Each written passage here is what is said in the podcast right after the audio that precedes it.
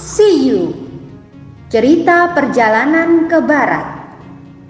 Ditulis oleh Wu Cheng En Diterbitkan oleh Buana Sastra. Selamat mendengarkan.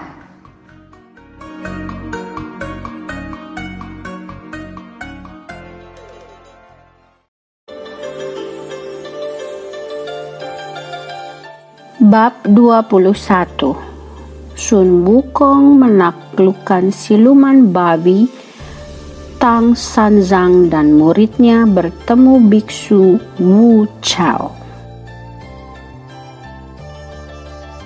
Sun Wukong mengejar siluman babi itu hingga ke guanya di Gunung Fuling.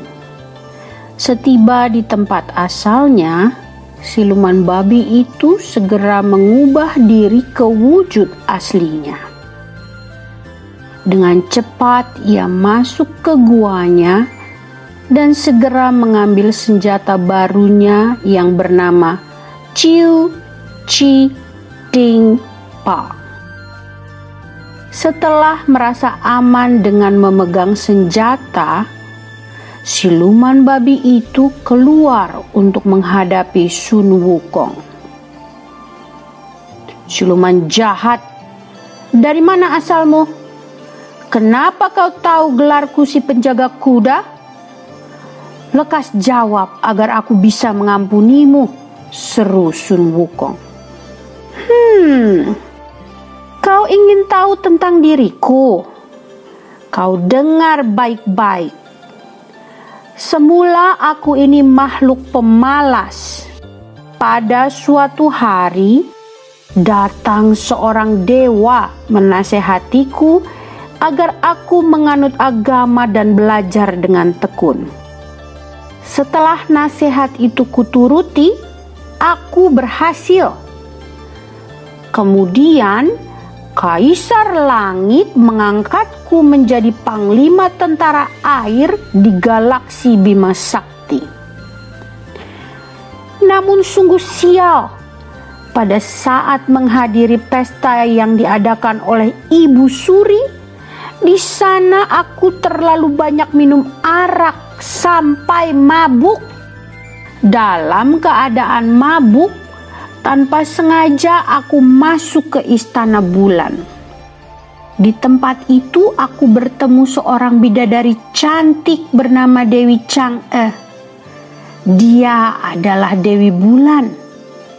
Karena ia sungguh cantik, aku tergoda Kemudian kupaksa bidadari itu menemaniku minum arak. Tak terduga perbuatan burukku telah diketahui. Akhirnya aku diadukan kepada Kaisar Langit. Dalam keadaan mabuk, aku dibawa ke hadapan Kaisar Langit. Kaisar Langit marah. Beliau hendak menghukum mati aku tapi untungnya Dewa Venus segera datang memberikan pertolongan. Kemudian dengan bijaksana Kaisar Langit telah mengubah hukuman matiku dengan hukuman cambuk sebanyak 2000 kali. Hukuman cambuk itu menyebabkan kulitku hancur. Setelah menjalankan hukuman itu, kemudian aku dibuang ke tempat ini sedang bentuk tubuhku telah diubah menjadi siluman babi. Dan aku dipanggil Su Kangli. Cerita siluman babi panjang lebar. Hmm, aku tahu sekarang. Jadi kaulah Jenderal Tianpeng? Pantas kau kenal aku, saut Wukong. Tepat, kau benar penjaga kuda yang sombong? Jawab si siluman babi. Ketika kau mengacau di langit, kau sangat menyusahkan aku. Sekarang pun kau menjadi pengganggu hidupku di bumi. Sekarang serasakan garu saktiku ini. Siluman babi itu langsung menyerang ke arah Sun Wukong. Untung Sun Wukong selalu waspada.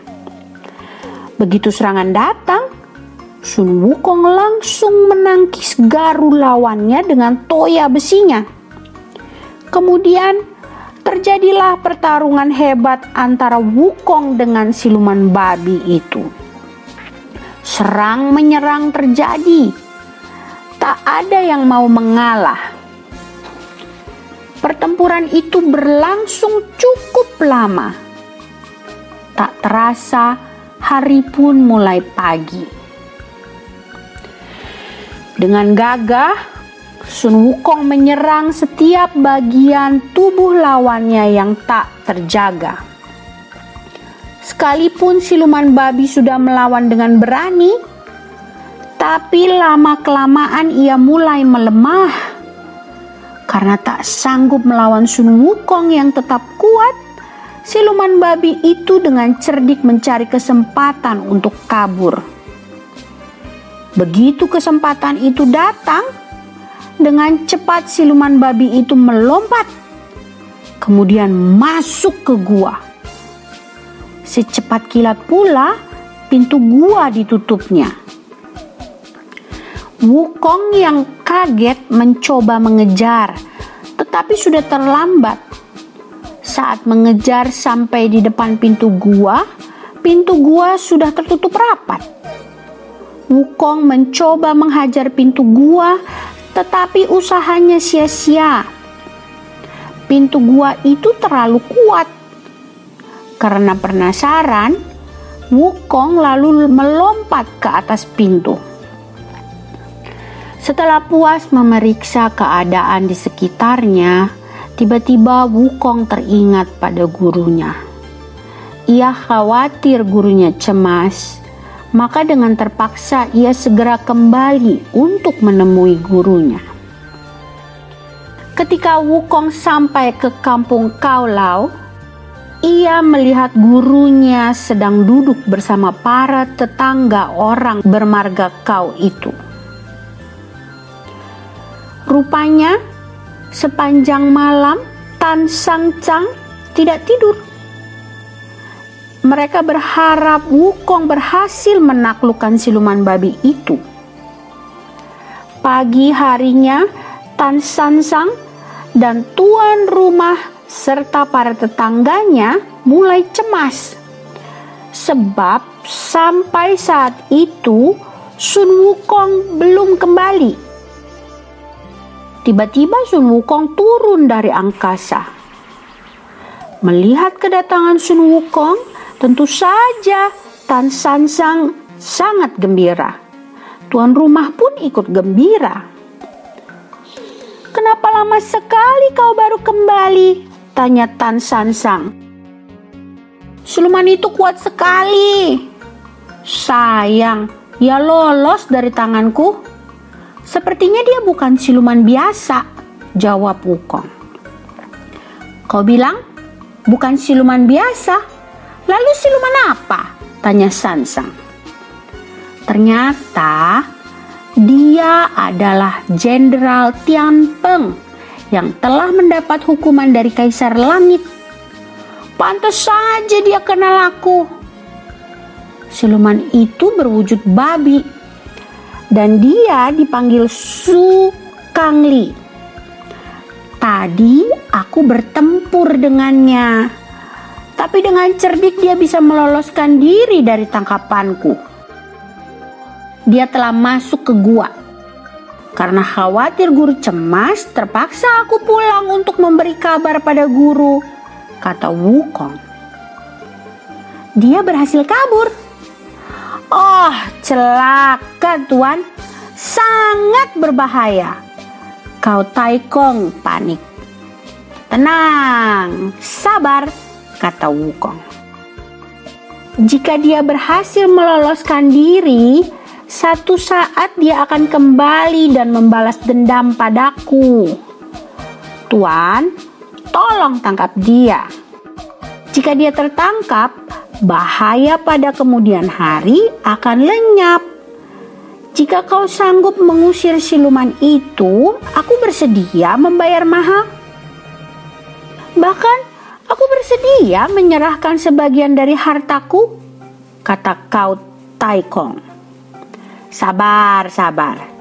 Muridku pasti akan menolongmu, kata Sansang. Sungguh berbahaya. Aku benar-benar sial. Siluman itu telah mencemarkan nama baikku, keluh kau Taikong. Mendengar keinginan tuan rumah begitu besar untuk menyingkirkan siluman babi itu, Sun Wukong jadi geli dan menggoda tuan rumah. Tuan kau, semalam aku berbicara banyak dengan menantumu itu. Dia bilang dia telah membantu kau bertani sampai akhirnya kau memperoleh kemajuan pesat. Bahkan sekarang kau telah menjadi orang kaya di kampung ini. Lalu bagaimana kau bisa mengatakan menantumu itu jahat dan telah merusak nama baikmu, kata Wukong. Kau tidak mengerti. Orang di kampung ini telah mengejekku. Kata mereka, lihat si kau punya menantu siluman babi. Sungguh, aku sudah tidak tahan oleh ejekan dan hinaan itu, kata kau Taikong. Dengar tuan kau, dia bilang dia tidak merugikanmu. Lalu bagaimana aku tega menangkapnya? Goda Wukong. Oh, tolonglah aku tuan. Sungguh kami bisa celaka kau Taikong yang tampak makin cemas karena Wukong tak bersedia menangkap siluman babi itu. Melihat tuan rumah sangat cemas, Tan San Sang merasa sangat kasihan. Ia lalu menegur muridnya. Wukong, bukankah kau sudah berjanji pada tuan kau bahwa kau akan menangkap siluman babi itu? Kata San Sang. Tadinya memang begitu guru. Tapi setelah aku dengar siluman babi itu tak bersalah, mana tega aku menangkapnya, kata Wukong. Ingat muridku, janji adalah janji. Kau harus menepati janjimu. Oleh sebab itu, kau kuperintahkan menangkap siluman babi itu, kata Sancang. Hmm, kalau begitu baiklah guru. Maaf guru, tadi aku cuma bercanda, kata Wukong sambil memamerkan tawa usilnya. Wukong lalu berkata pada Kau Taikong, Tuan kau, kuharap kau jangan bersedih. Asal kau jaga guruku dengan baik, siluman itu akan kutangkap. Jangan khawatir, Gurumu pasti akan kujaga dengan baik, kata kau Taikong. Setelah sarapan, Sun Wukong segera terbang ke Gunung Suling. Di sana ia langsung menyiapkan toya saktinya. Dengan sekuat tenaga, pintu gua ia hantam. Karena berulang-ulang dihajar dengan toya sakti, pintu gua itu akhirnya jebol juga. Sun Wukong segera menerobos masuk. Siluman babi, tukang makan, keluar kau. Saat itu, Su Kangli sedang tidur. Mendengar gedoran di pintu goa, kemudian mendengar tantangan dari lawannya, dengan cepat siluman itu bangun.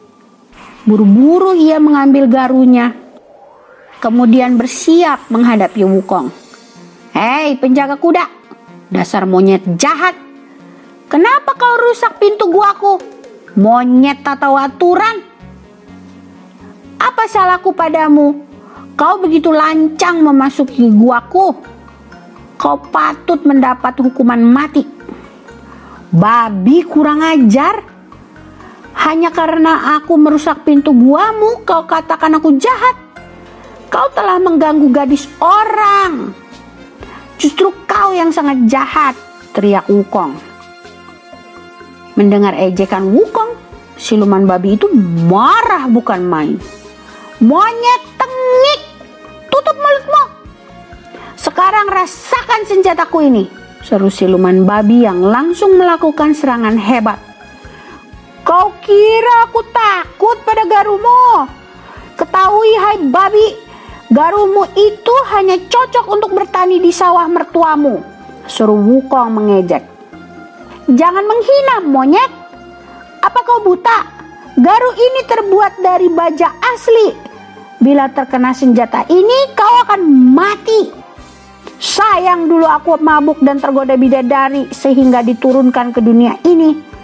Kupikir perbuatanku sekarang tak ada salahnya. Aku menikah dengan anak tuan kau dengan baik-baik. Apa salahku? Rasakan senjataku ini. Senjata ini bisa kugunakan untuk merusak sarang naga atau sarang harimau sekalipun.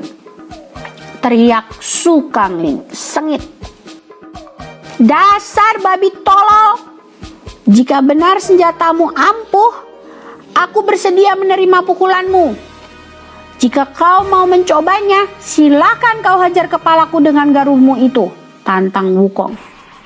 Mendengar tantangan Wukong, siluman babi itu girang Baiklah, terimalah hajaran senjataku. Sun Wukong bersiap menerima hajaran garu lawannya. Dengan sekuat tenaga, siluman babi mengayunkan garunya. Ketika garu itu membentur kepala Sun Wukong, percikan api berhamburan. Tak diduga kepala Sun Wukong demikian kuatnya. Bukan kepala Wukong yang pecah, Malah siluman babi itu yang menjerit-jerit sambil melepaskan garunya. Dia sangat kesakitan karena tangannya luka. Sungguh luar biasa, kepalamu sekeras baja. Wukong tertawa. Bagaimana kepalamu bisa sekeras itu?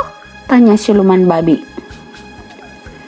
Ketika aku mengacau di langit, Aku telah mencuri buah persik dan arak obat untuk kaisar langit karena kejahatanku. Aku ditangkap. Kemudian aku disiksa dan dihajar dengan berbagai senjata tajam. Kemudian aku ditangkap oleh Dewa Lause. Lalu aku dibakar di dalam dapur obatnya. Sejak itu, aku malah bertambah kuat dan kebal. Jika kau penasaran, kau boleh memungkulku sekali lagi, tantang Wukong. Aku tahu sekarang ketika kau mengacau di langit kau adalah penghuni gua tirai air bukan? Benar, itulah aku, jawab Wukong. Aku sudah mendengar tentang kesaktianmu, tapi apa salahku padamu sehingga kau menggangguku? Apa kau diundang oleh mertuaku untuk menangkapku? Tanya Sun Kangli. Bukan, Mertuamu tidak mengundangku. Aku dan Biksu Tang sedang melakukan perjalanan untuk mengambil kitab suci ke barat. Secara kebetulan, kami melewati kampung mertuamu. Tadinya, kami berniat untuk menumpang bermalam. Waktu itulah mertuamu bercerita bahwa kau telah mengurung putrinya di kamar belakang. Mertuamu lalu minta tolong padaku agar aku membebaskan putrinya sekaligus menangkapmu, kata Wukong.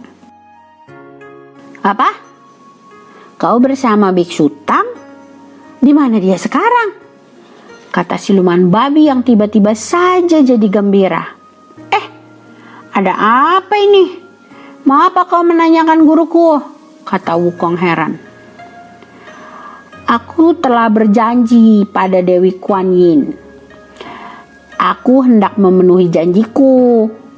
Beliau telah menasehati aku agar aku bersedia menjadi murid Biksu Tang. Aku diperintahkan mengantar Biksu Tang ke barat. Selama ini aku justru sedang menunggu kedatangan Biksu Tang di sini. Kenapa kau tidak bilang dari tadi bahwa kau dan gurumu utusan dari kerajaan Tang? Malah dengan mengandalkan kesaktianmu, kau rusak pintu guaku. Hei, babi busuk. Jangan coba kau bohongi aku. Kau bicara begitu hanya karena kau ingin bebas dariku kan? Wukong tak percaya. Untuk apa aku berbohong padamu? Jawab Su Kangli. Baik, kalau begitu kau harus bersumpah di hadapanku, suruh Wukong. Tanpa ragu-ragu siluman babi itu menaikkan satu tangannya. Aku bersumpah jika aku tidak bersungguh-sungguh, jika aku melanggar sumpahku, Aku bersedia binasa dengan tubuh hancur berkeping-keping, kata Sukangli. Bagus, sekarang nyalakan api lalu kau bakar guamu itu, perintah Wukong. Sukangli menurut. Ia membakar guanya. Setelah selesai, kembali Wukong berkata, Sekarang kau siap menemui guruku, tapi kau harus menyerahkan senjatamu padaku kata Wukong. Tanpa ragu-ragu, siluman babi menyerahkan garunya kepada Wukong yang masih waspada. Setelah tak bersenjata lagi, tangan siluman babi itu diikat oleh Wukong. Karena ikatannya sangat keras, siluman babi pun mengeluh kesakitan. Kakak seperguruan, kendurkan sedikit ikatan ini, pintanya. Sekarang tidak bisa. Nanti setelah kau berhadapan dengan guru dan ternyata dia mau menerbiksu sebagai muridnya, waktu itulah ikatanmu akan kulepas. Jawab Wukong galak. Kemudian Wukong menarik telinga siluman babi yang lebar. Sekarang, ayo kita berangkat. Karena tak ada kesempatan untuk protes, terpaksa siluman babi itu menurut saja. Kemudian keduanya terbang menuju kampung Taulau.